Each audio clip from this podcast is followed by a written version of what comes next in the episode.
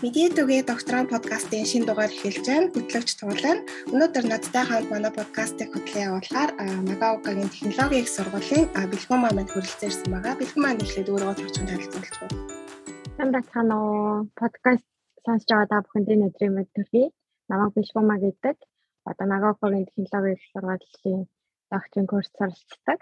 Тэгээд докторантын бүлгэмийг төлөөлөд өнөөдрийн подкастыг нэгт болтойгоо хамтран хөтлөн явуулнаа. За баярлалаа. А өнөөдөр манай подкастын зочноор э, Австрали улсын Гриффит их сургуулийн ахлах судлаач физик химийн багш доктор Мөн хоёр хүрэлцэн ирсэн байгаа. Сайн байна уу та? За сайн сайн байна уу. Намайг урьж оролцуулж байгаа та бүхэнд баярлалаа. Энэ өдрийн минь төргий. За баярлалаа. Өнөөдөр амралтын өдрөөр цаг заваа гарган бидэнд өөрсдийнхөө судалгааныхаа талаар өөрийнхөө талаар танилцуулахаар хүрсэн ирсэн байгаа. Та манай сонсогчдод эхлээд өөрийнхөө дэлгэрэнгүй танилцуулна уу? За намайг Батмхийн мөнх байдаг. Тархуул аймагт 10 жилийн хамгаалаад Монгол их сургууль хим технологийн анги хим технологич мэрэгчлэр бакалаврт суралцсан байгаа. 2010 онд бакалавра хамгаалсныхаа дараа Солонгос улсын Янсаны их сургуульд механик инженерийн чиглэлээр магистрт суралцсан. А магистр хамгаалсны дараагаар Австралид 2013 онд ирээд химийн инженерийн чиглэлээр Австралийн их сургуульд докторийн зэрэгт суралцсан байна. Тэгээд докторийн зэрэг хамгаалсныхаа дараагаар хэд хэдэн сургуулиуд буюу анх Австралийн Flinders-ийн их сургуульд пост доктороор ажиллаж байсан. Дунд нь American Virgin Tech-т бас судлаачаар ажиллаж байсан. Тэрнээс хойш Австралийн Queensland их сургуулиуд, Griffith их сургуульд судлаач бол анхлах судлаачаар ажиллаж байсан. А яг одоогийн байдлаар бол Австралийн Griffith сургуульд ахлах судлаач болон физик химийн багшаар ажилладаг байгаа. А яг хийдэг судалгааны ажил маань бол нано материал, нано технологи, материал судлал, сэргээгдэх эрчим хүчний юм шин технологиудыг одоо нээх зорилготой тийм одоо жишээ нь нарны зайн үүсвэр, батарей эсвэл бидний гар утсанд хэрэглэгддэг янз бүрийн электроник технологиуд дээр ажилладаг байгаамаа. Аа за баярлалаа. Манай зочин маань Монгол гэлтгүү ингээд Монголоос эхлүүлээд маш олон орон нутгийн судалгаа хийжсэн маш их туршлага ихтэй зочин байгаа. Өнөөдөр ярилцлага маш гоё байх гэж найдаж байна. Зочин маань өөрийгөө бас маш их даруй танилцууллаа.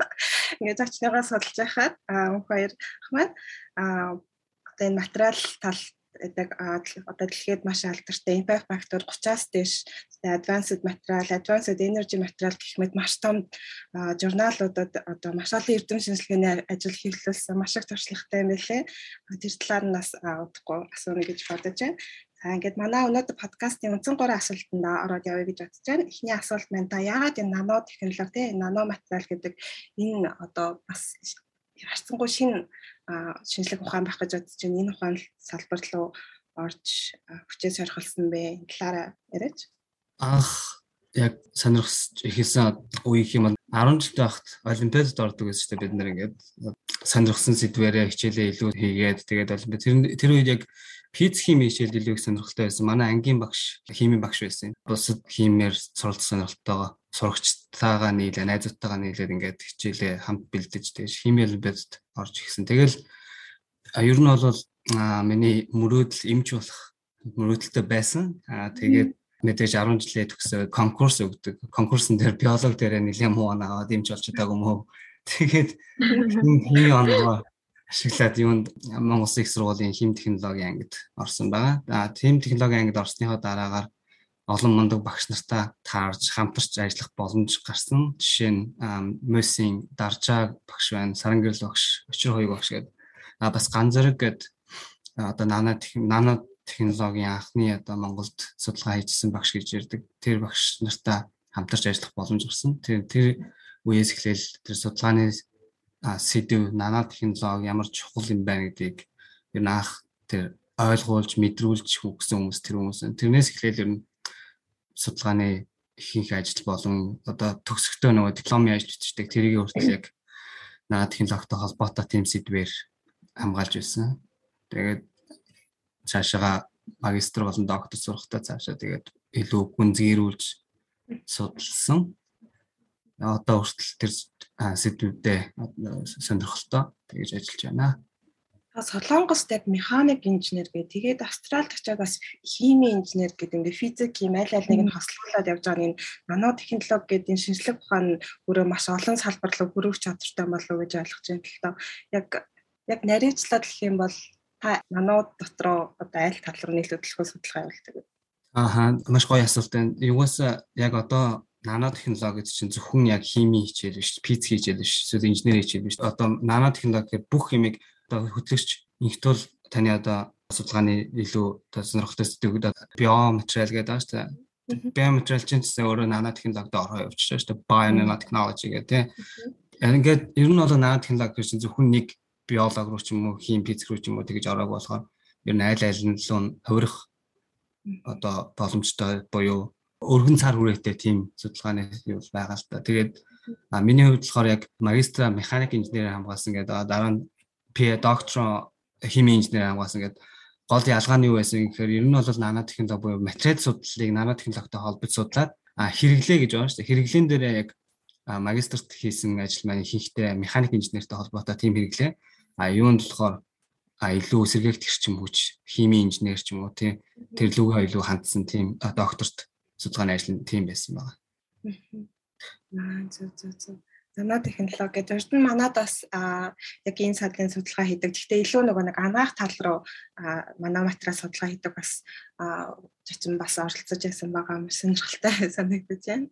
За манай дараагаас болдог манай бэлгүүн маань бас За ингээд хоёрдугаар асуулт руугаа дараагийн асуулт руугаа орё гэж бодож байна. Тэгээд таны бас интернет дээр хаалт хийгээд үзсэн чинь Printers in Materials гэдэг сэтгүүлийн бас эдитер хийж байгаа юм биш. Яг таныг сонсоор маш сонирхолтой байна л да. Физик, химийн багш зэрэг хийдэг. Тэгээд та одоогийн одоо хоёрдугаар асуулт маань бол одоогийн хийж байгаа судалгааныхаа тухай тавч танилцуулаач гэж хэлсэн. Тэгээд айгүй олон юм ингээд бүр лаг нөгөө угаасаа шинжлэх ухааны нэг юм дээр тогтохгүй олон юмны суурь дээр ингээд хөгжөөд яваад байгаа шүү дээ. Тэгээд яг одоогийн таны хийж байгаа судалгааны ажилт нь ер нь ямар хөө судалгаа вэ? Энэ тухай та дэлгэрэнгүй ярьж өгөөч гэж. За эхлээд саний сэтгүүлийн редактор буюу одоо editor гэж тэр талаар frontiers and materials гэдэг би яг үндсэн editor биш тэнд guest editor гэж одоо өргөдөж editor хийж байгаа. Тэгэхдээ Монгол хоёр мундаг хоёр профессор судлаач байдаг. Нэг нь Денмаркт байдаг батлаг гэд судлаач байгаа. Саяхан Монголын одоо яг энэ физикийн салбарт анхны nature-т юугаа ажиллаа хэвлүүлсэн хүн байна. Тэгээ дуулсан баг тийм. Аа хоёр нөгөө хүн нь болохоор профессор Отху гэж Inchonic сургуульд байдаг бас нэг мундаг профессор байгаа. А бид гурав гурлаа нээлж яг энэ салбарт бид гурав хийж байгаа судалгааны салбарын ойролцоо хоёр хоёр хэмжээс материал буюу нано материал гэсэн үг тийм. Батлог докторийн хувьд болохоор илүү бүр fundamental study буюу нөгөө нэг материалаа ингээд шин чанар нь ямар байдаг энтрийг судалдаг. А миний хувьд болохоор хэрэглээндээ ямар байдаг те гаргаж авах нь ямар байдаг гэдэг тэр отхоо докторийн хувьд болохоор онлайн талын сайн судалдаг байгаа. Тэгээд хамтарч нийлээд ер нь ингэж editor хийж сэтгүүлд ингээд өгүүллүүдийг хийвлүүл ямар вэ гэсэн санаагаар тэгж гарч ирсэн сэтгүүлд байгаамаа. Тэрнээс А ми яг үндсэн эдитер хийдэг сэтгүүл бол MDPI сэтгүүл юуны хэвлэлийн үйлдвэрийн молекул гэдэг сэтгүүл байдаг. Тэнд би үндсэн эдитер ажилладаг байна. Тийм. Юу судалгааны ажлын хувьд бол а ер нь бол яг хийж байгаа юм бол өмнө хийсэн материал судлалыг буюу материалыг шинэ материалыг гаргаж аваад хими аргаар гаргаж аваад тэрийг энерги эрчим хүчний одоо хэрэглээнд ашигладаг гэж хэлсэн байна. Гэхдээ ер нь жил болгон ер нь энэ судалгааны сэдвүүд нь жоохон жоохон өөрчлөгддөг. Яагаад өөрчлөгддөг вэ гэхээр бид нэр одоо яг судалгаагаа явуулахын тулд биднэрт мэдээж төсөл мөнгө хэрэгтэй гэсэн үг шүү дээ. Одоо грант авах хэрэгтэй тийм. Грантаас одоо төслөөсөө хамаарат ер нь ямар судалгаа хийхээ явна. А миний хувьд доктор сурж байхдаа би ингээд өмнө нь тийм карбон материал буюу нүүрсний атомор хийгдсэн тийм материалуудыг гаргаж аваад цаашаа олон төрлийн тийм наны зан технологи хэрэгжилж исэн бол одоогоор хоёр үндсэн төсөл Австралийн шинжлэх ухааны юу консул гэж байдаг тэндээс авсан байгаа. Нэг нь болохоор яг өөрөө удирдах явж байгаа том төсөл нь сүүлийн үеийн нарны зан технологи буюу perovskite solar cell гэж байдаг. Тэрийг хийх юу ажил байгаа. Тэрийг хийхдээ бид нэр юу хийхээ гэхээр цонхон дээр нааж болдог тийм намны зан технологиг гаргах гэж хичээж байгаа. Цонхон дээр нааж болдог гэдэг нь тэр цонхон дээрээ бид нэр тэр нарны зан технологи одоо нарны зан тэр хавтангаа нэмгэн хавтангаа тавьчихсан тохиолдолд шөнийн цагаар гэрэл одоо бид нэр шууд нэвт харж чаддаг. Гэхдээ өдрийн цагаар одоо нарны гэрэл ирэхэд тэр цонх нь өөрөө автоматар өнгөө солиод бидний одоо юу нарны гэрлийг гэрлүү оруулахгүй бах гэрийг халуун болохгүй гэсэн шүү дээ. А тэгж яхта цахилгааны гаргана гэсэн үг. Тийм юм ажил дээр одоогоор яг 2 сарын 1-ээс эхлээд 2022 энэ оны 2 сарын 1-ээс эхэлж ажиллаж байгаа.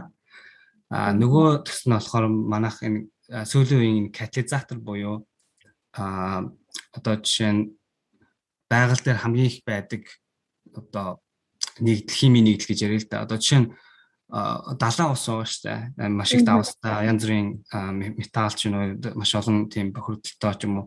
Тийм далайн усыг цэвэршүүлж тэгээ цаашаа нөгөө усын хүчил төрөгч, ус төрөгч, холоор гэсэн юм хэрэгцээт юу химийн нэгдэл гаргаж авах тийм судалгаа хийж байгаа. Тэрэнд тэрэнд юу авахын тулд амжилттай тэр катализаторыг явуулахын тулд тийм шин төрлийн материал гаргаж авах шаардлагатай байдаг. Тэгээ тэр шин төрлийн материалыг гаргаж авахын тулд оюутнуудтайгаа хамт ажиллаж байгаа.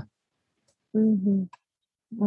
Маш олон сонирхолтой судалгааны ажил төсөл хэрэгжүүлж байгаа юм байна. Тэгэд энэ дундаас нэгдүгээр юу төслөөс би нэг сонирхолтой санагдаад зүгээр нэг хөнгөн асуулт асууя. Тэр нь болохоор нөгөө нарны гэрлийг одоо цонхны нарны гэрэл хураагуурыг цонхны шилэн дээр наана гэсэн шүү дээ тийм ээ. Аа тэгээд тэрийгэ эрчимч болгож хуврааж байгаа гэдгсэн. Тэгээд энэ маань болохоор Австралид явагдаж байгаа энэ төсөл хөтөлбөр юм болов уу эсвэл Монголд явагдаж байгаа юм болов уу? Ерөнхийдөө нөгөө Австрал Монголыг бодвол нарлаг өдөр нь одоо илүү их байдаг уу? Тэгээ Монголд болохоор тий яг энэ нарны э, гэрлийг эрчим хүч болгоё гэсэн айгүй их төсөл хөтөлбөрүүд явагддаг байгаа шүү дээ тий. Яг гэвэл нарлаг өдөр ихтэй учраас хамгийн их өөр өгөөжтэй төсөл гэж бас явагддаг. Тэгэхээр энэ төслийнхаа талаар та илүү дэлгэрэнгүй ярьж өгвөл. Энэ төсөл нь яг одоо явагдаж байгаа энэ төслийн буюу ажил бол Австралид үндсэн үндсэн ажил байгаа. Ягаад гэвэл энэ төслийг энэ Австралийн засгийн газрын Австралийн шинжлэх ухааны консулаас авсан ойролцоогны 500 мянган долларын санхүүжилттэй төсөл байхгүй. Тэгэхээр Австралийн засгийн газраас тэр санхүүжилт орж иж байгаа болохоор энэ төсөл заавал Австралид бид нэр хийх ёстой. Аа. Тэгээд мэдээж шин технологи гарч ирэх юм бол тэр шин технологийн цаашдаа зөвхөн Австралид хэрэглэх биш. Хаана одоо Монголд ч юм Австралид ч юм уу хэрэглэх хаана хэрэглэж болно. Аа нарны эрчим хүчний талаар бол Австрал, Монгол, Араб гэх мэт бас Африкийн орнууд хамгийн их нөгөө нэг нарны юу тусгал ирдэг.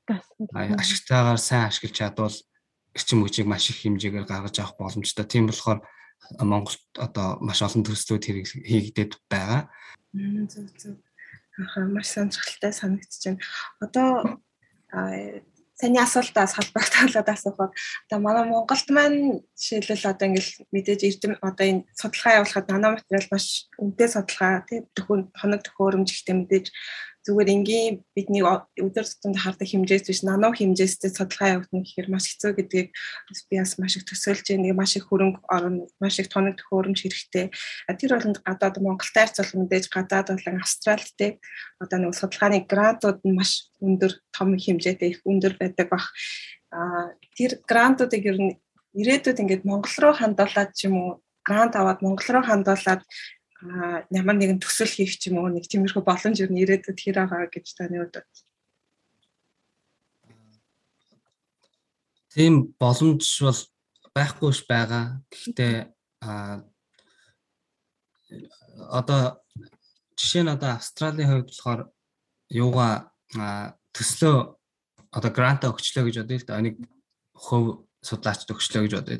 Тэгснийхаа дараа төслийн мөнгийг гадагшаа гаргаж болохгүй энэ төр гэдэг тийм бас дүрмүүд байдаг. Гэхдээ яг тийм хатуу дүрмгүй одоо жишээ нь Америкийн Office of Naval Research гэдэг тийм одоо яг судалгааны basic science те үндсэн судалгааг дэмждэг тийм сан байдаг шүү дээ. Тэндээс бол төсөл авах боломжтой Монгол Монгол Улсын их сургууль болон Шилүүгааны академийн эрдэмтэд хамтраад тэрэнд бас миний дууснаар тэрийг бас яаж хөөцөлдөж байгаа гэж дуулсан. Тэгэхээр явандаа бол тэр боломжуудыг одоо анхны энэ хүмүүс нь мундаг одоо эрдэмтэд нь гаргаад өчих юм бол цааш цаашсын хүмүүс нөө энэ боломж байд юм аа нэгэ судлаад гарах байх гэж найдаж байна. Тэгээд тэр хариу нь хурдан гаргасэл гэж бодож байна та.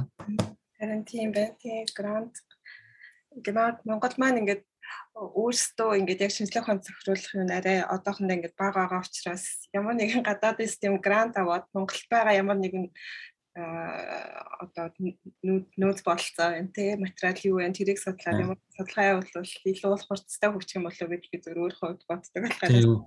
Нүүн тэр одоо одоо Монголд судлаач нар маань гадны одоо эрдэмтэн судлаачтай хамтарч ажиллах өөр их сургуулиудтай тий. Эсвэл судалгааны институт төлөвтэй хамтарч ажиллах нь маш давуу талтай. Зөвхөн хамтарч судалгааныхаа төслийг хийхээс гадна дараа нь оюутан солилцоо ч юм уу те гадагшаага Монголоос оюутнуудыг авч гадаад сургаад одоо Монголдо болсон хүчин бэлдэнэ гэсэн үг шүү дээ тий. Тиймэрхүү бас давуу талууд зөндөө гарчдаг байгаа. Тий. Яг одоогоор таны таны ажилтдаг одоо энэ граффити Австралийн граффити их сургууль ер Монгол оюутнууд хэр суралцж байна? Монгол оюутнууд байна ямар чиглэлээр судалж одоо суралцж байна. Монголчууд ер нь их үү? Аа граффитик сургуульд яг тоог нь бол үнэхээр мэдэхгүй. Ойролцоогоор 20-с 30 онууд офицер оюутнууд бакалавр, магистр, доктор энэ зэрэг суралцж байгаа. Аа тэр дундаас 2-оос 3 оюутан доктор суралцдаг. Тэрний 2 оюутан манай судалгааны группт доктор хийж байгаа. Яг одоо миний судалгааны одоо саяны миний хэлсэн хоёр гол судалгааны сэдв гэсэн шүү дээ. Тэр хоёр дээр ажиллаж байгаа судалгаа судлаач оюутнууд байгаа. А түүнээс гадна одоо дахиад хоёр оюутан Монголоос ирж хамтарч ажиллах байх гэж найдаж байна. А бас судалгааныхаа одоо яг цааны грант төслийн дагуу оюутнууд ирж ажиллах тийм төлөвлөгөөтэй байгаа. Аа зөв зөв. Таны яг таны одоо доор очиод таны судалгаанд оролцох Монголтай Монголд байгаа сургуультай холбоотой тийм төсөл гэсэн үг үү? Ямар ямар журмаар одоо Монгол оюутан Монгол энэ таны судалгааны төсөл дээр оролцох боломжтой вэ? Би энд одоо ингээд нэг жижигхэн судалгааны групптэй байгаа хгүй ингээд ахлах судлаач гэж явж байгаа тийм. А энэ судалгааны группээс гадна Монгол Улсын их сургуулийн Сарангэр лагчтай хамтарч бусад судалгаанууд дээр ажилладаг байгаа. Сангэрл багшийн бакалавр болон магистрийн оюутнуудтай хамтарч ажилладаг. Бакалавр сурж байгаа болон магистр сурж байгаа оюутнуудын а одоо жишээ нь бакалаврын оюутнуудыг 3 4 дугаар курсээс нэхлээ судалгаанд оруулаад судалгааны ажилд оруулаад болж өгвөл олон улсын сэтгүүлүүдэд а одоо өвөл хэвлүүлэхдээ төгсгөөсний өмнө тийм зорилго тавьж ажиллаж байгаа. Хэрвээ тэгэж амжилттай хамгаалж чадах юм бол гадагшаага ирэхэд буюу наашаага Австралид жишээ нь ирэхэд одоо тэтгэлэгт өрсөлдөн гэсэн үг шүү дээ. Тэтгэлэгт хөрсөлдөхөд өвүүлэлтэй байх юм бол илүү өрсөлдөх чадвар өндөр байна гэсэн. Тэгэхээр боломж хайж тэр мундаг оюутнуудыг наашаага Австралид одоо бивэг энэ групптэй авчирч хамтарч ажиллах тийм сонирхолтой байдгийг. Тэгээд одоогийн байдлаар нэг оюутан ямар ч гэсэн ирэх төлөвлөгөөтэй байгаа. Дахиад нэг оюутан оны сүүлээр ирэх бас төлөвлөгөөтэй байгаа. Тэгж ажилладаг. А судалгааны сэдвийн хувьд бол яг миний одоо энд хийж байгаа яг энэ судалгааг бол хийхгүй а бас жоохон өөр салбарын судалгаа юм. Гэхдээ мэдээж нөгөө эрчим хүчтэй холбоотой материал судалтайгаа холбоотой тийм судалгаа хийдэг. А хурж ирээд бол мэдээж яг одоо байгаа төсөл юу байна тэрэн дээр ажилладаг тийм оюутнууд. Тэгэхээр ерөнхийдөө бол гол шалгуур нь пепертэй байх хэрэгтэй юм биш тийм ээ?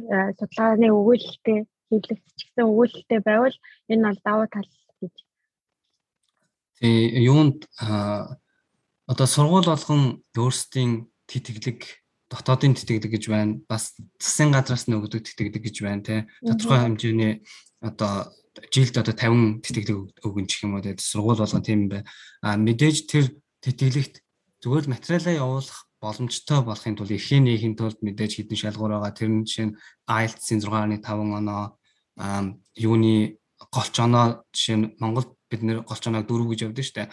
Тэрний 80%-аас дээш буюу голчоноо 3.2-оос дээш байх ёстой гэх мэт а энгийн хэдэн шалгуурууд байгаа. А үнэхээр яг одоо өрсөлдөх хэмжээний буюу тэр 50 scholarship авах магадлал ойрхон болохын тулд судалгааны ажлаа өгүүлэл болгон хэвлүүлсэн олон улсын эрдэмтдийн сэтгүүлүүд хэвлүүлсэн байвал маш өндөр давуу тал болдог байгаа. Маш гоё боломж болцсон байна. Манай Монголд байгаа оюутнуудад бас байгаа юм байна гэж ойлголоо. Тийм. Монголд өөрөө сурагч байсан бол ингээд гадаадад очиод зөвхөн гадаад хүмүүсийн доор ингээд судалгаа явуулах учраас Монгол ингээд супервайзер бол маш том боломж авах гэж бодож байна. Монголд байгаа подкастыг сонсож байгаа оюутнуудад бас ирээд одоо мэрэгчлээ сонгох гэж юм оюутнууд маань энэ салбарыг бас судлаад үзээрэй тийм боломж маш их байгаа юм байна гэж бодож байна. Тэгээс сая одоо журнал өгүүлэлтэй пейперийн талаар ярьлаа.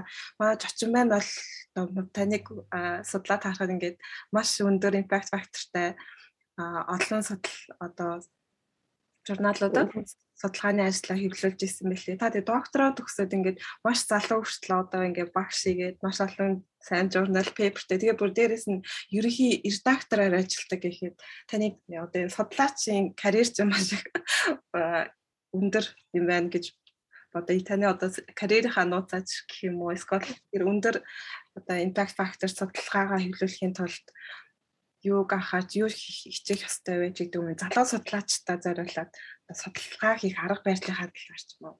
Тийм. Тэгээ бас нэмээд нэг тодруулаад асуухад аа түрүү нөгөө мэдээлэл дээрээ тэгсэн байсан. Анхны пепер явуулахдаа 10 гаруй удаа бичиж явуулж ирсэн гээд та энэ тухайга бас яг энэ залуу судлаачтай бас хуваалцвал их сонирхолтой байхаараа. Хоёр дахь нь бэлгүмагийн асуусан асуулт шеэрлээд тахад гоё юу хөшөөндөө болно. За яг.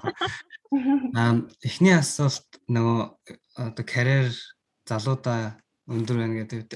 Миний карьер одоо яг одоо бусад одоо энэ мэрэгчлэр хариуд харьцуулж байгаа хүмүүсийн хувьд нэг өндөртөө орохгүй хаа. Яг тэгвэл энэ энерги эрчим хүчний чиглэл нь өөрөө тийм одоо hot topic гэж ярьдаг штэ. Тэгэхээр одоо ишлэл авагддаг тоон хүртэл пейперүүдийн тоон одоо өгүүллүүдийн одоо ишлэг ишлэл авагдж байгаа байдал нь маш өндөр байдаг. Энэ энэ энэ зүгээр л одоо миний ажиллаж байгаа судалгааны ажлын давуу тал нь. А өгүүлэл одоо одоо олон улсын өндөр импакттай төлөв төвлөрөх мэдээж анхаарах ёстой зүйлүүд байгаа. Гэхдээ номер 1 зүйл бол мэдээж судалгааны ажлын давуу тал тийм. Одоо хэр бусдаас ялгаатай өмнө нь хүн хийж үгээгүй байна уу? А энэ одоо шинэлэг тал нь юу байна? Гэх мэт ингээд тэр зүйлүүд орж ирнэ. Тэрнээс гадна мэдээж бас нэг юу гэж байгаа штэ пеп одоо өгүүлэл бичгэд анхаарах зүйлс гэж байгаа. Тэгээд тэр би өөрөө одоо мундаг том сэтгүүлүүдийн тэр эдитрүүд бичсэн тийм юунуудыг их унших туртай байгаа байдгийн а одоо зөвлөмжүүдийг одоо жишээ нь ACS Energy Letters гэж сэтгүүлд тийм зөвлөмжүүд амар хэвлэгддэг. Жишээ нь өгүүлэлтэд оруулах зураг ингээ яаж сонгох вэ, яаж хийх вэ гэдэргээд тиймэрхүү зүйл маш их уншдаг байгаа. Тэрнээс гадна анх сэтгүүлээ явуулахдаа cover letter бичнэ, тэрэн дээр юунд анхаарах вэ гэх мэт тэр бүх юм дээр ер нь бол зөвлөмж бас өөрөөсөө одоо senior буюу Ахмад профессор багш нараасаа бас асуудаг. Аа тиймэрхүү байна. Аа Аха та яг аха та одоос нэг ерхий редактораар ажилтдаг гэсэн чинь бас бас өргөдөж guest editor бас хийж байгаа. Ер нь журнал editor болохын яг ям одоо өргөдөж хийжсэн үү? Бас би олон улсын журнал editor хийж байгаа гэхэд маш сонирхолтой санагдаж байна. А editor хийхэд миний бодлоор яг одоо ажиллаж байгаа сэдвтэ хэр их тийм юу оруулсан байна, тэгээ хөрөнгө оруулалт оруулсан байна. Тэрийг сэтгүүлүүд харж агаад одоо жишээ нь тэр сэтгүүлийн тэр эдиторүүд нь а энэ хүн ингээд энэ энэ чиглэлд хөрөнгө оруулалт маш их хийж байгаа юм байна. Энэ хүнтэй ингээд хамтарч ажиллавал зүгээр юм байна. Энэ хүний guest editor болох юм бол олон сайн ажлууд манай сэтгүүл ирэх байх гэсэн бодлоготойгоор урилга явуулдаг байх гэж бодож байна. А магадгүй зарим сэтгүүлд миний одоо хийж исэн судалгааны ажлууд одоо хийж байгаа судалгааны ажлууд сонирхолтой санагдаад тэр сэтгүүлүүд намайг одоо хамтарч ажиллахыг урьж санал болгосон байх гэж бодож байна. Тэгэхээр яг одоо яг ажиллаж байгаа чиглэлдээ ямар одоо судалгааны ажлууд хийсэн тэр нь тэр сэтгүүлийн сонирхолд нийцж гин үгүй юу гэдгээс л хамаарах байх гэж бодож байна да. Төрөний хоёр дахь асуултан дээр анх би 2010 онд Солонгост очиж исэн 9 сарын 1-нд яг магистр зурхаар очиж исэн. Анх очихдоо англи хэл мэдэхгүй, бас солонгос хэл мэдэхгүй айл хэлийг мэддэг юмсан. Англиар нэрээ баг зөв хэлж чаддгүй гэж хэлэхэд баг болохоор тийм байсан. Тэгээд шууд очиод судалгааны ажилд орсон. Судалгааны ажилд ороод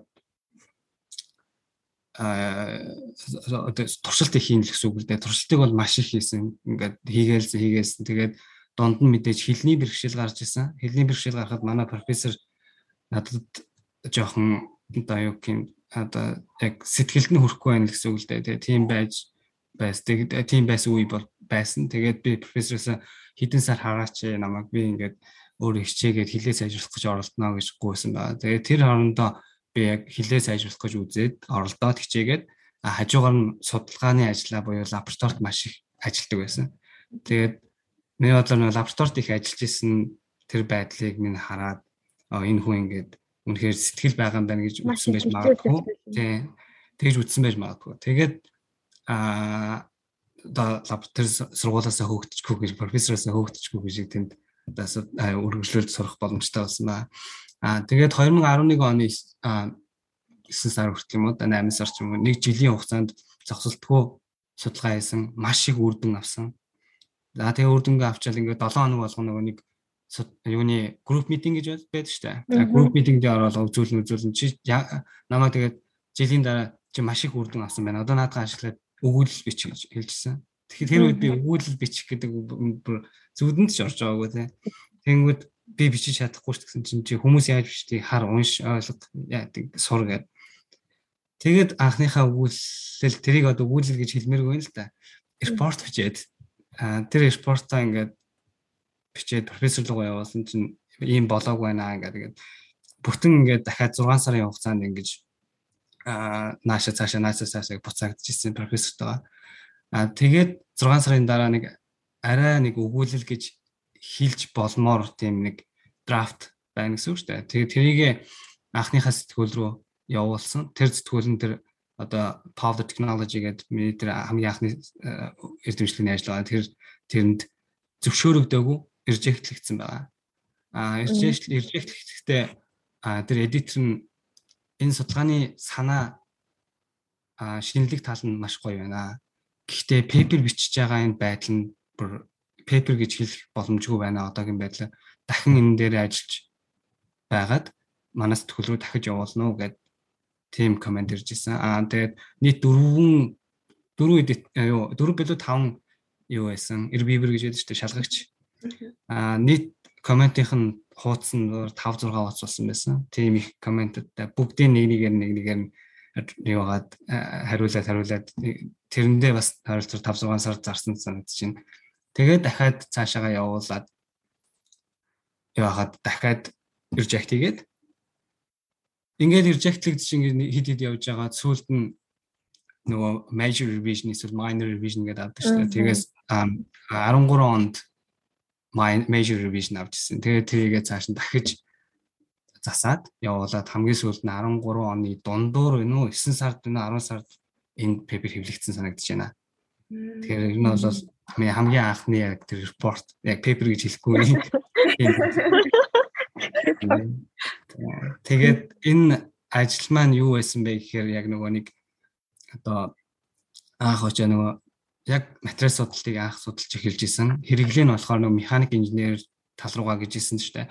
А тэр үедээ тэр миний хийжсэн судалгаа би өөрөө тэрийг амар боломжийн дажгүй судалгаа хийсэн гэдгийг ч мэдэхгүй байгаа байхгүй хэлсэн юм а. Одоо хэвлэгдсэн хэвлэгдснээс хойш 8 жил гарan 9 жил болж. А нийт ишлэл авагдсан байдал нь ойролцоогоор 100 та байгаа. Яг энэ мэрэгжил буюу энэ механик инженерийн мэрэгжил 150 ишлэл 8 жилийн хугацаанд их боломжийн юм шиг байна. Тэгэхээр тэр судалгааны санаа нь сайн байна, боломжийн байна гэдэг нь үнэн болж таарах гэдэг. Миний бичсэн л жоохон таар байсан юм шиг. Аа. Маш сонирхолтой түүгээ хуваалцсан баярлалаа. Тэгээ нөгөө түрүү туулын асуултан дээр нэмж асуудаг нь болохоор нөгөө айгуу гоё мотивац болохоор юм төөх байгаа юм шиг санагдав. Яагаад гэвэл 10 удаа хүн бүхэл бүтэн пепер нэг пеперийг бичээд тэгээ 10 удаа ингээд буцаагдаад энэ пеперийг хүлээж авахгүй гэсэн. Тэгсэн мөртлөө та бууж агаагүй 10 11 удаа магадгүй Магадгүй 10 удаа явуулсан болохоос биш өчнөө олон удаа тэр чи өөрөө бичиж нооргож зассан байгаа тийм болохоор нөгөө судлаачдын амьдралын хувьд одоо судалгаа пепер бичих бол угаасаа тийм амархан биш те маш олон удаа бид нар ингээл хийж хийж тэгэл багштай явуулна дахиад улаан ирээн болоод буцсан эн чинь болохгүй эн чинь юу хийж байгаа ингээл. Тэгэхээр яг тэр үднээсээ тэгээд 10 удаа ингэсэн ч гэсэндээ одоо таны гаргаж байгаа гаргасан одоо энэ амжилтууд те одоо ингээд багш багшаар ажиллаж байгаа физик химийн багш хийж байгаа олон сэтгүүлүүдийн эдитер хийж байгаа. Түрүү жил 2021 онд бас сургуулийнхаа шилдэг судлаачийн шагнал авсан байсан. Их мэдчлэн маш олон ийм гоё. Өндөр амжилтын эхлэл нь бол яалтчгүй тэр 10 удаагийн режектлсэн пепер бас байгаа болов гэж бодоод бүр энийг л сонсомоор байсан учраас асуулаа Нададаас аяга гоё мотивацтай гоё дурсан чинь шиг байна. Таны ч гэсэн энэ анхны пейпер чинь баг хамгийн хайртай пейпер нөхө тийм үү. Одоо ямар нэгэн грант төсөл а одоо төсөлд материалаа явуулахад өөрийнхөө одоо ялангуяа австралид тийм топ 10 пейперээ лист болгож гаргаж өгнө үү гэж одоо би заавал энэ пейперийг оруулдаг байна. аргагүй. Impact factor нь тийм айхтар өндөр бол биш. Гэхдээ аа миний хувьд бол топ 10-таа бол байнга орох байхаа. Аа. Маш их төвчээр нэ зэрэг цаг заваа зарцуулсан пейпер. Тэгээ таны саний одоо стори түүхийг сонсоод нэг судалгаатай хамаагүй асуулт асуумаар санагдлаа. Надад ингээ Японд сурч байхад ягаад ч ингээд маш олон гадаад оюутнууд ингээд хам сурч байхад ч гэсэн Монгол оюутнуудаа харахаар илүү нэг тийм мэдээж гадаад оюутнууд бүгд ингээд хэлний хувьд мэдээж хамт сурч байгаа оюутнуудаас хоцрогдолтой байгаа. Тэгээд бүгд ингээд бүгд англиад бас тийм унган ярьдаг биш бүгд л англи хэлнэ хоёр дахь хэлнэ ингээд бүгдээр суралцахаар ирсэн ингээд илүү бусад оюутнуудаас илүү их цаг зав зарцуулна ингээд амар хичээнгүйлэн судалгаа явуулаад сурдаг ч гэсэн тэр дундаа ингээд Монгол оюутнууд бүр илүү нэг юм шантралгүй ингээд зүтгэж чаддаг юм шиг надад санагдаад дэдэг босоод энэ Японд сурдаг Монгол оюутнуудыг хараад ч гэсэн таны хувьд ч гэсэн ер нь тэгэж боддог. Танисаа шантралгаа тэр 10 удаа ихтлэн байж зүтгэсэн тэр юг сонсоод бас тэгэж санагдлаа. Одоо танд бас Монгол оюутнууд өөрөө чинь юугаар Монгол оюутнуудтай сам судалгаа хийдэг байгаа. Ер нь бусад ингээд гадаад оюутнууд Монгол оюутнуудыг ингээд харьцуулахад ер нь Монгол монголчуудын залуу хүмүүсийн оюутнуудын нэг давуу тал нь юу вэ? Дутагдaltaй тал нь юу вэ гэж санагддаг. Аа нэг үгээр хэлээд бол ер нь нэлээд тийм hard working штэ тийм манай оюутнууд бид өөрийгөө hard working байсан гэж боддог. Давуу тал бол ерөөсө ялангуяа Монголд бакалавр хамгаалсан манай оюутнуудад маш өндөр давуу тал байдаг. Ялангуяа байгалийн шинжилгээ ухаан тийм мэрэгчлэр хамгаалсан оюутнууд мэдлэг амар сайн маш сайтай байдаг. Яг бол их хэлээрээ үндсэн мэдлэгээ олоод авсан. А яагаад дээр нь одоо биднэрт мэдлэгийг өгж байгаа багш нар дандаа бас гадаад дотоодд суралцсан тийм хүмүүс байгаа тий. А тэгэхээр суурь мэдлэг маш сайтай. А 10 жилдээ бид нэр бас гадныхнаас илүү одоо ялангуяа Европын орнуудын одоо болон Австралийн хичээл 10 жилийнхний хичээлийн ингээд юу гэдэг штэ заах арга юу тэр нь бас өөр. Тэгэхээр Монгол одоо сурагчид миний бодлоор тийм арай төрүүлж явдаг хаа. Ялангуяа математик, физик, хим э, гэсэн чиглэлүүдээр илүү төрүүлж явдаг харагддаг. Тийм болохоор угаасаа математик, физик, хим дээр олон улсын олимпиадад Монгол оюутнууд сурагчид олон тооны медаль аваад байгаа бах л та. Аа тэр нь мэдээж маш том давуу тал болно. Аа тэгээд мэдээж хилний асуудал аа өмнө нь байсан баг. Гэхдээ сүүлийн үед миний ажиллаад байгаагаар гадаадд сураагүй Монгол оюутнууд маань аль хэдийн хилэндээ маш мундаг болсон. Хувийн сургууль сураагүй, хилний курс сураагүй, зөвхөн хуваараа бэлтэж одоо хил сурахыг хүссэн. Өөрийгөө дайчилж ийн л да тийм оюутнууд маань өөрсдөө ингээд очиж шалгалт өгөөл IELTS-ийн оноо 6.5, 7, 7.5 авах тийм чадвартай болсон оюутнууд маш олон байлаа. Одоо манай одоо судалгааны группт ирж байгаа оюутан урд нь гадаад сураагүй байгаа. Хилний курс мөртэй гэж ахтар яг зорж сурсан юм бол байхгүй. Гэхдээ зөв хуваарай англи хэлийг сурсан IELTS-ийн маш өндөр оноотой. Жишээ тийм хүмүүс одоо оюутнууд их олон болцсон. Тэгэхээр аа давуу тал их байна. Давуу талаа сайн ашиглаж юм бол хийх юм их байгаа хаа тий. Яг хийм физик гэдэг унтан энэ мэдлэг сайтай байна гэдэг дээр маш их санал нийлж байна. Би өөрөө ч гэсэн ингээд Японд ирчээд коллежид ингээд бүр 3 жил сураад дараа их сургуульд ороод сурч байхад ягаад ч юм ингээд надад нэг л мэддэг юм аа дахиад өөр хэлэн дээр сураад байгаа юм шиг санагдаад их сургуулаа бүр төгсөн төгсөлтөө бүр Монголд зүгээр 10 жилд сурч исэн тэр химийн физикийн математик ухаан маань л ингээд сурсан юм л маань л яваад байсан. Одоо ч гэсэн бүр тэрэн дээрээ л ганц мэдлэг маань гэвэл яг Монгол үтсэн мэдлэг маань. Тэгээ Японд ирснээс хойш яг нарийн мэрэгжлийн юмнууд бол нэмэгдээд явсан баг. Тэгтэл ингээд Монгол Монгол багшаасаа сурсан мэдлэг л одоо илүү үнцэн үлддэг үлдсэн байдаг. Тэр яг тэр тал дээр Монгол маань бас Монгол байгалийн шинжилгээ ухаан өгчих ер нь өөр нь бол маш дэлхийд харьцуулахад өндөр түвшинд баха боловсролын хэмжээтэй.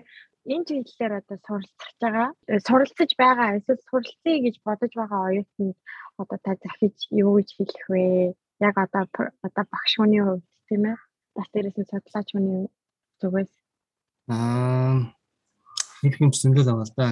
Аа PhD суралцах гэдэг бол зүгээр суралцах тэгээ оюутан болох зүгээр оюутан болох бол биш гэж би боддог.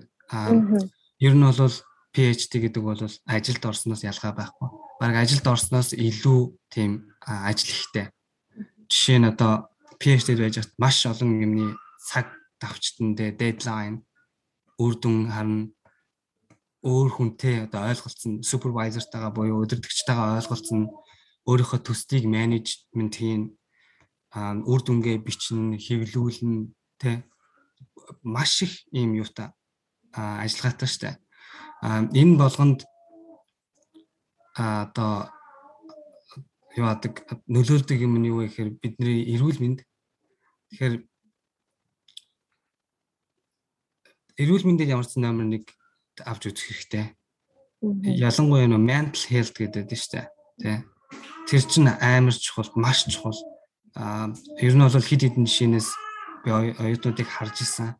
Тийм өөрчлөлттэй болсон оюутнууд байна. Эсвэл мартад сандаг болсон хүмүүс байна. Тийм манд яг ажлынхаа юуг одоо суралцж байгаа бас суралцах гэж байгаа оюутнууд ажлынхаа ачааллыг тааруулж ажиллах хэрэгтэй. Тэр нэг 3 3.5 жил магадгүй 4 жилийн хугацаанд өөрийгөө бүр бүх юмаа ингээд шахаж ингэж юу ааж сурсан гэж ярьдаг. Тэр бол миний бодлоо буруу юм шиг санагддаг. Тэгэхээр яг тааруулах хэрэгтэй л гэж боддог. Аа яагаад энэ юг эрүүл мэндэд тааруулах хэрэгтэй вэ гэдэг байгаа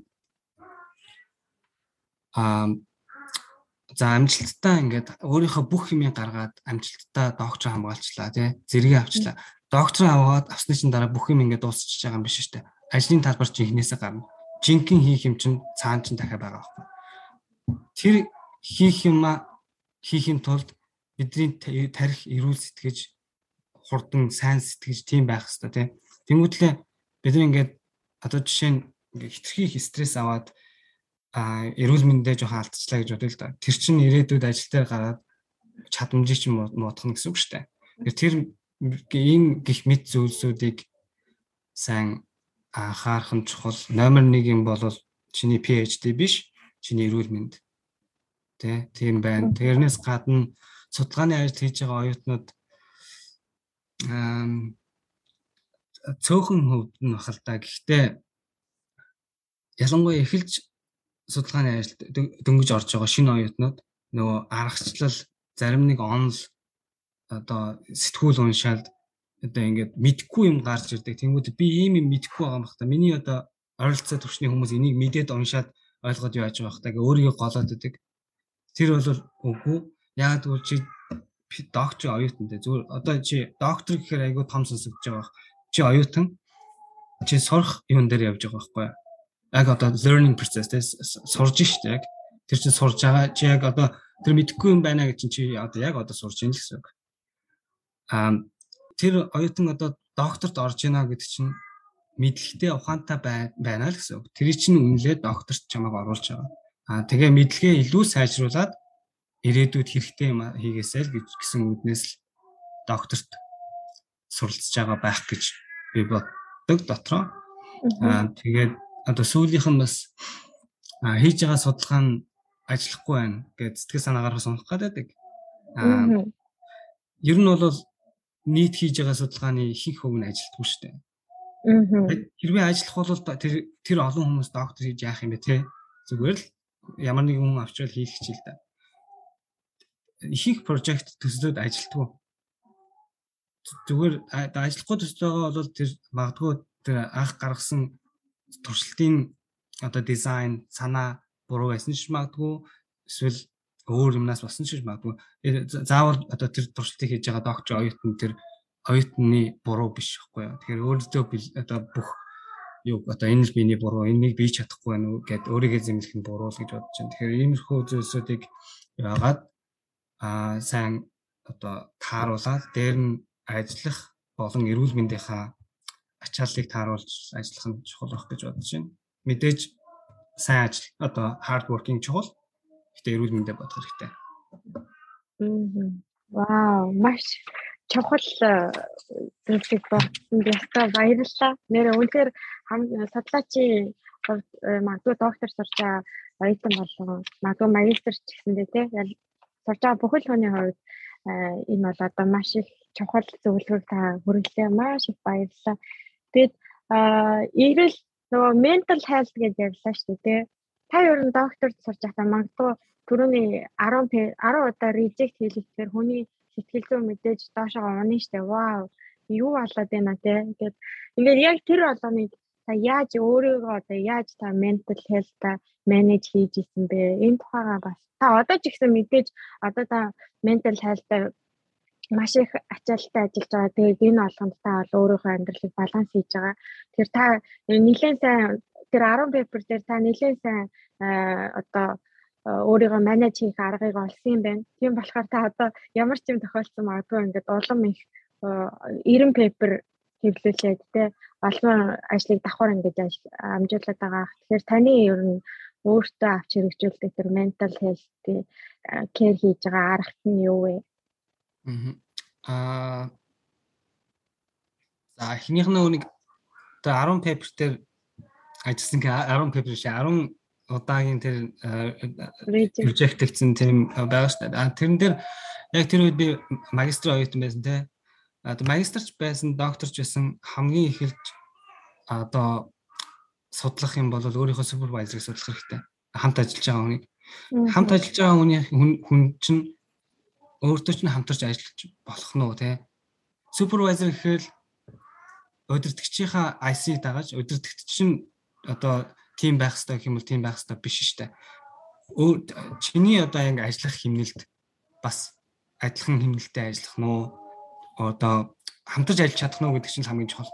Хэрвээ хамтарч ажиллаж чадахгүй ингээд жишээ нь манай профессор намайг анх тэр пеприйг баасан чи ингээ муу байна чамаас удаад бидний ингээ reject авлаа энэ гэж тэгсэн бол би тэр судалгааны группээс явцсан байгаа. Би магистр хийхгүйсэн баг. Хэрвээ тиймэрхүү одоо одоо айхтар супервайзер байдаг хгүй угаасаа. А тийм хүн байгаа бол эртхэн салсан дээр эртхэн холдож өөр тэр хүн дэлхий дээр ганцаараа тэр судалгааны сэдвээр ажиллаагүй шүү дээ. Өөр хүн зөндөө байгаа. Өөр өөртөө хамтарч таарах, таарч ажиллах үнэ олж ажиллах нь хамгийн чухал. А миний хувьд бол би азта манай профессор маш сайн хүн байсан. Намайг оо эн чинь ингэж эн чинь энэ дээр яг одоо яг энэ дээр чи юм сурж байгаа шүү. Бид нэр энэ хүнд энэ иржэхлээд байгаа хүнд баярлах хэрэгтэй энэ төр гэдэг надад дандаа урмын үг хэлдэг. Тийм байдалтай байсан. А тийм болохоор надад би нэг тэгж шантраад яасан байхгүй. Гэхдээ мэдээж шантралгүй л явах хэрэгтэй. Тэгээд хүн юм чинь а хит хоног шантрын тэнгуулаа буцаж ирэл энийг хийх хэрэгтэй юм байна гэж хурж юм те тийм байсан. Аа доктор сурж явах жоохон байдал жоохон өөр байсан. Яг тэгвэл докторт анх ирэхэд би анхны супервайзертайгаа үйл ойлголцсон аа юу байсан байдал байсан. Үйл ойлголцсон гэдэг нь муудалцсан биш. А би анх ирэхдээ профессорыгоо туршилт хийдэг тэр лабораторийн тийм experimental professor гэж бодож исэн чинь онлайн хиймж байсан буруу ойлголцсон байсан. Тэгээд би өөрөө тийм онлайн юу хийх сонирхолтой биш. Туршилтын судалгаа хийх сонирхолтой байсан болохоор тэрэн дээр бас тэгээд жилийн дараа манай профессор англи руу гинт явахаар болоод би нөгөө нэг профессороо сольж болох ингээд тэргээд нэлээд хугацаа алдсан. Тиймэрхүү зүйл дээр нэлээд одоо шантрах тий одоо болт доктор ихе болдг юм уу гэсэн хэд хэд одоо тийм бодол орж ирж байсан. Гэхдээ дараа нь маш сайн хүнтэй хамтарч ажил юу одоо доктор хийсэн байгаа. Одоо хүртэл тэр профессортойгоо хамтарч ажилладаг. Хамт оюутан нээж удирдах одоо PhD-ийн төгсөж байгаа зарим оюутнуудыг тэгээд тийм би тийм сайн хүнтэй таарсан азтай. Аа тэрнээс гадна хамгийн сүүлд нь ямар асуулт тавьлаа? Одоо өөрийнхөө mental health-ийг та ер нь яаж Аа тийм шүү дээ. Тий. Тий. Яг одоогийн байдлаар бол над миний ажил бол нэлээд их байдаг. Аа судалгааныхаа ажлыг хийн, төслүүдээ хамгаална. Аа хажуугаар нь би хичээл ордог. Бакалаврын 1-р курсын оюутнууд болон 2 3 дугаар курсын физик хими хичээлийг ордог байгаа. Аа ер нь бол ажлын юу маш их. Гэхдээ би хажуугаар нь юу одоо өөрийгөө тэгэж стрессийг тайлах хийдэг спорт байна. Сагсан бөмбөг тоглох тууштай. Завтаа үедээ за завгүй байлаа гэхэд зав гаргаад 7 хоногт ядаж нэг удаа сагсан бөмбөг тоглох тийм. А тэгснийхаа дараа гэртээ ирэхээр гэр бүлтэйгээ цагийг өнгөрөх гэх мэтэр тиймэрхүү одоо одоо балансыг барих гэх юм да. А гурван хүүхэдтэй би. Тэгээд манай эхнэр бас PhD-д сурдаг. PhD докторид одоо 2 сарын дараа төгсөж байгаа хаа. Диплом бичиж байгаа одоо. Бид бид тав ингээд тэгэл хоспиталнаар хамтдаа би өөрсдийнхөө стрессийг тайлаад тэгээд байж та. Нэг гэхээр бас маш том дэм дэмжлэг гэдэг аха би биэндээ тий. Тэглүү яах вэ? карьертай холбоотой нэг юм ахсаа гэж бодлоо. Таны одоо энэ суд нэг одоо энэ нано материалын судалгааны ажил чинь бас яг basic research гэдэг академи тал руугаа ч хийж болно. Илүү тэрнээс ч илүү бас өвцөн ингээд компанид те ороод ч юм уу компани судалгаа хийгээд явах ч одоо хэрэглээ тал руугаа илүү өргөжүүлээд явах боломжтой гэх юм уу тийм салбар юм болов гэж бодоод та ингээд PhD сурч төгсчөөд ингээд академи тал академи ажлыг те гараага карьер актем тал руу сонгох болсон одоо эргэлзэжсэн нөө ингээд аль тал руу явах вэ? Компанид ч гэсэн ерөнхийдөө судалгаагаа ингээд явуулаад бүр хэрэглээ болгоод одоо продакт болоход бүр ингээд явуулж байлаа шүү дээ тий. Тий. Аа юунд би одоо 2017 оны дундуур 7 сард доктор хамгаалсан. Аа тэрнээс хойш 18 оны 5 сар биш 18 оны 7 сарын хүртэл юу басан пост доктор ажиллаж байсан. 19 оны 8 7 сар хүртэл юм байна шүү.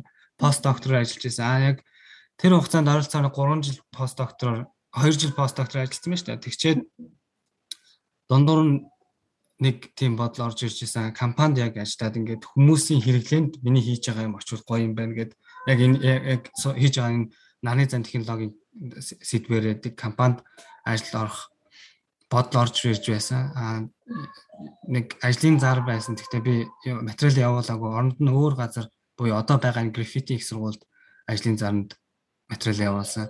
Аа тэр нь ямар зар байсан бэ гэхээр судалгаа хийхээс гадна хажуугаар нь оюутнууд хичээл заах тийм багш. Тийм юунд ажлын байранд материал явуулаад тэнцсэн байгаа. Тэгээд 19 онд энэ ажилд ирчээд хичээл заахад ингээд тэр үедээ айгүйх ингээд сандарсан байдалтай тийм байсан ч гэсэн хичээл заасны дараа авч байгаа мэдрэмж нь их таалагдсан гоё байсан. А тэрнээс хойш тэгэл хид хид удаа хичээл заагаад яасан чинь хүнд одоо мэдж байгаа юм а хүнд хүргэн гэдэг нь амар надад тийм гоё санагдсан. Тийм болохоор академик талд үлдэж ажиллах тийм шийдвэр ерөөхдөө гарсан үү дээ. Хичээл заах, хажуугаар нь судалгаа хийх надад яг таарсан ажил юм шиг санагдсан.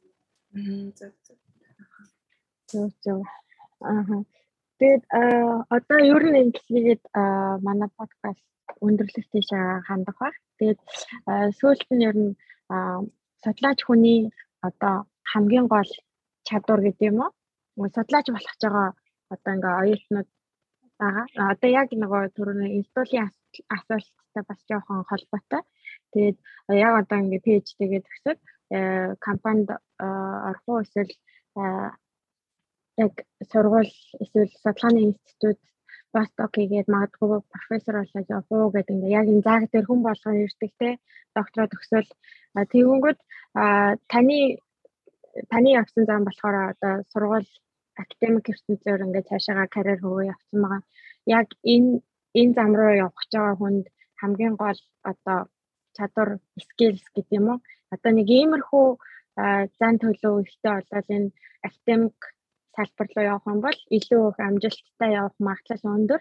Харин эсвэргээрээ чиний personality гэж байгаа. Тэгээ бас хүний чадвар гэж байгаа хүсэл сонирхол тэрийгэ хараад за тэгж бодвол чи ийшээгаа явсан дээр үгүй бодлол магадгүй компани руу өөр индастриал салбар руу явсан дээрээ гэж таны өнцгөр харж байгаагаар та одоо тэр оюутанд яг тэр хоёр замын үндэстэр байгаа хүнд юу гэж хэлэх вэ та? Аа чадвараас илүү юу одоо өөрийн одоо сонирхол нь илүү чухал баха тий а юу гэсэн үг гэхээр одоо жишээ нь докторт сурах гэж байгаач байж болно. Эсвэл ажлын талбарт салбарт одоо гарах гэж байгаач байж болно. Аль нь ч байсан дуртай юм аа бид нэр хийх хэрэгтэй. Дуртай юм аа хийхгүй бол стресс авдаг хэцүү санагддаг.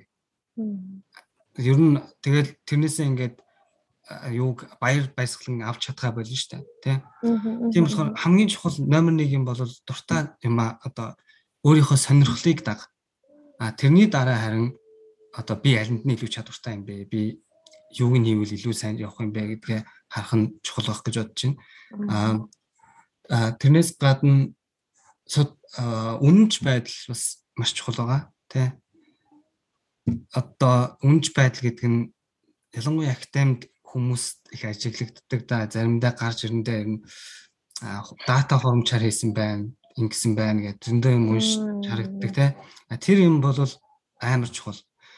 Өнөөдөр чи тэр нэг пеприйг нэг өгүүллийг хевлүүллээгээд чиний амьдрал өөрчлөгдөхгүй шүү дээ нэгэн пепер яг бодоод үзэхээр одоо яг ингээд маш олон пепер гаргасан мундаг профессорууд ингээд ингээд бодоод үзэх юм бол энэ нэг пепер байсан байгаагүй одоо яг ингээл болтгоо юм бүх юм явдгаар ямар амьдрал үргэлжлэлээр үргэлжлэн те.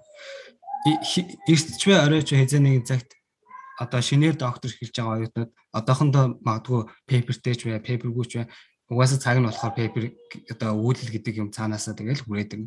Тэгэхээр зарим хүмүүс хитрхи их ингээд бүр дайчилж ингээд ингээд үнж байдлаас алдах гаддаг юм харагддаг тийм байж ерөөсө хизээч болохгүй Хэрвээ тийх гэж байгаа л бол бити хий. Ер нь PhD-гээ хийхээс баг байсан тэр тийм байна. Тийм зүг байна да. Баярлалаа. Баярлалаа. За ингээд өнөөдөр манай подкаст маань энэ түрээд өндөрлөх чинь. Өнөөдрийн манай зочноор Австралийн граффитик сургуулийн судлаач багш доктор Мөнх баяр маань оролцлоо. Тэгээ өөрийн хийж байгаа энэ нано материал, нано технологийн судалгааны талаар маш дэлгэрэнгүй бидэнд ярьж өгсөн маш их баярлалаа. Дээрээс нэгчлээд одоо хийж байгаа тий залуу судлаачтай болон мэрэгчлээ сонгох гэж байгаа Монголд байгаа оюутнуудтай хүртэл маш үнэтэй зөвлөмж өгсөн байх гэж бүр тийм өргөөжтэй яриа болсон байх гэж бодож байна. Тэг мөхөр багш маань болохоор өөрөө ингээд Монголоосаас оюутнууд аваад өөрийнхөө доор ингээд судалгааны баг бүртгүүлээд бас ажиллаж байгаа гэдгийг сонсоход бас маш их тааламжтай байлаа. Бүр олон олон оюутнуудыг оюутнуудын супервайзер болоод салбартаа улам ундаг профессор болоорой гэж ерөөй. Тэгээ хамт хөтлөж явуулсан бэлгэн мада бас маш их баярлалаа. Манай сонсогчид дараагийн подкастыг маань бас ядаг хүлээгээрэй. Бид дэлхийн өнцөг олон бүрээс мундаг мундаг судлаачдыг бас урьж оролцуулсаар байх болно. Ингээд хүрэлцэн ирсэн та хоёртаа маш их баярлалаа. Баярлалаа. Ажил амьдралын өндөр амжилт хүсье. Баяртай. Баяртай.